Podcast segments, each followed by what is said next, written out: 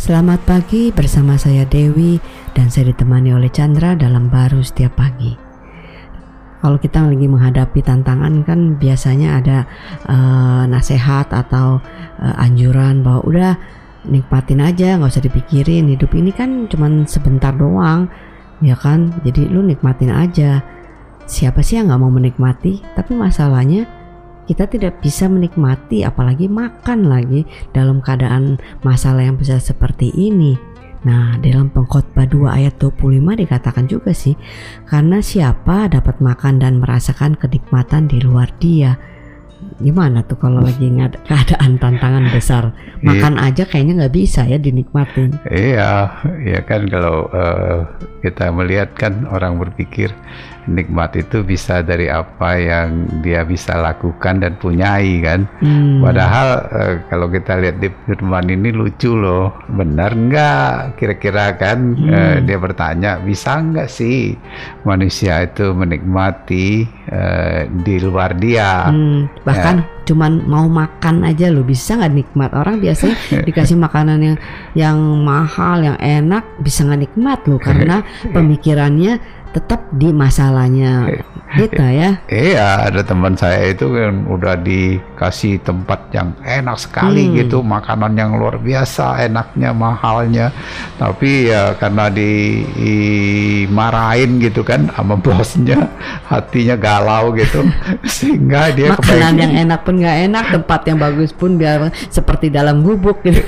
iya, rasanya dia udah nggak kepengen aja ada di situ kan, kepengen balik aja begitu di tempat yang eh, nggak uh, ada omelan itu seperti itu kan. Hmm. Uh, kita melihat bahwa Tuhan ingin menunjukkan ya uh, usaha manusia yang ingin untuk mendapatkan kenikmatan itu di luar dia di luar dia itu sangat terbatas hmm. sekali dan sementara bahkan sering kali menjadikan jerat ya hmm. uh, dalam hidupnya jerat itu kan uh, seperti orang mencoba untuk obat-obatan uh, eh jadinya uh, terikat kepada obat-obatan. Ada orang pikirnya dari alkohol bisa melepaskan kesedihannya untuk bisa menikmati hidupnya, ya kan? Eh akhirnya uh, terikat dengan alkoholnya.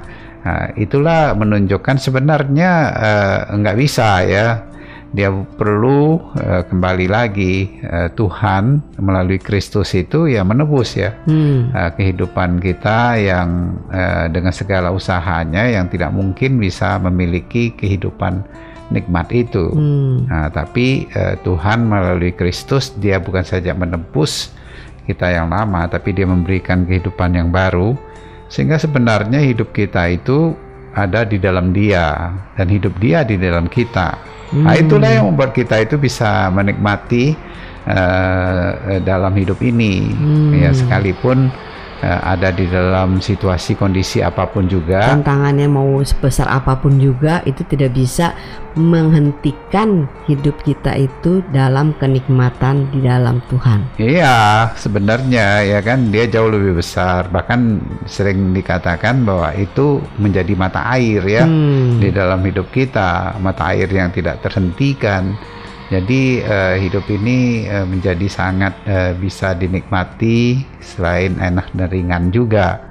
Itu karena uh, ada di dalam Dia. Amin. Amin.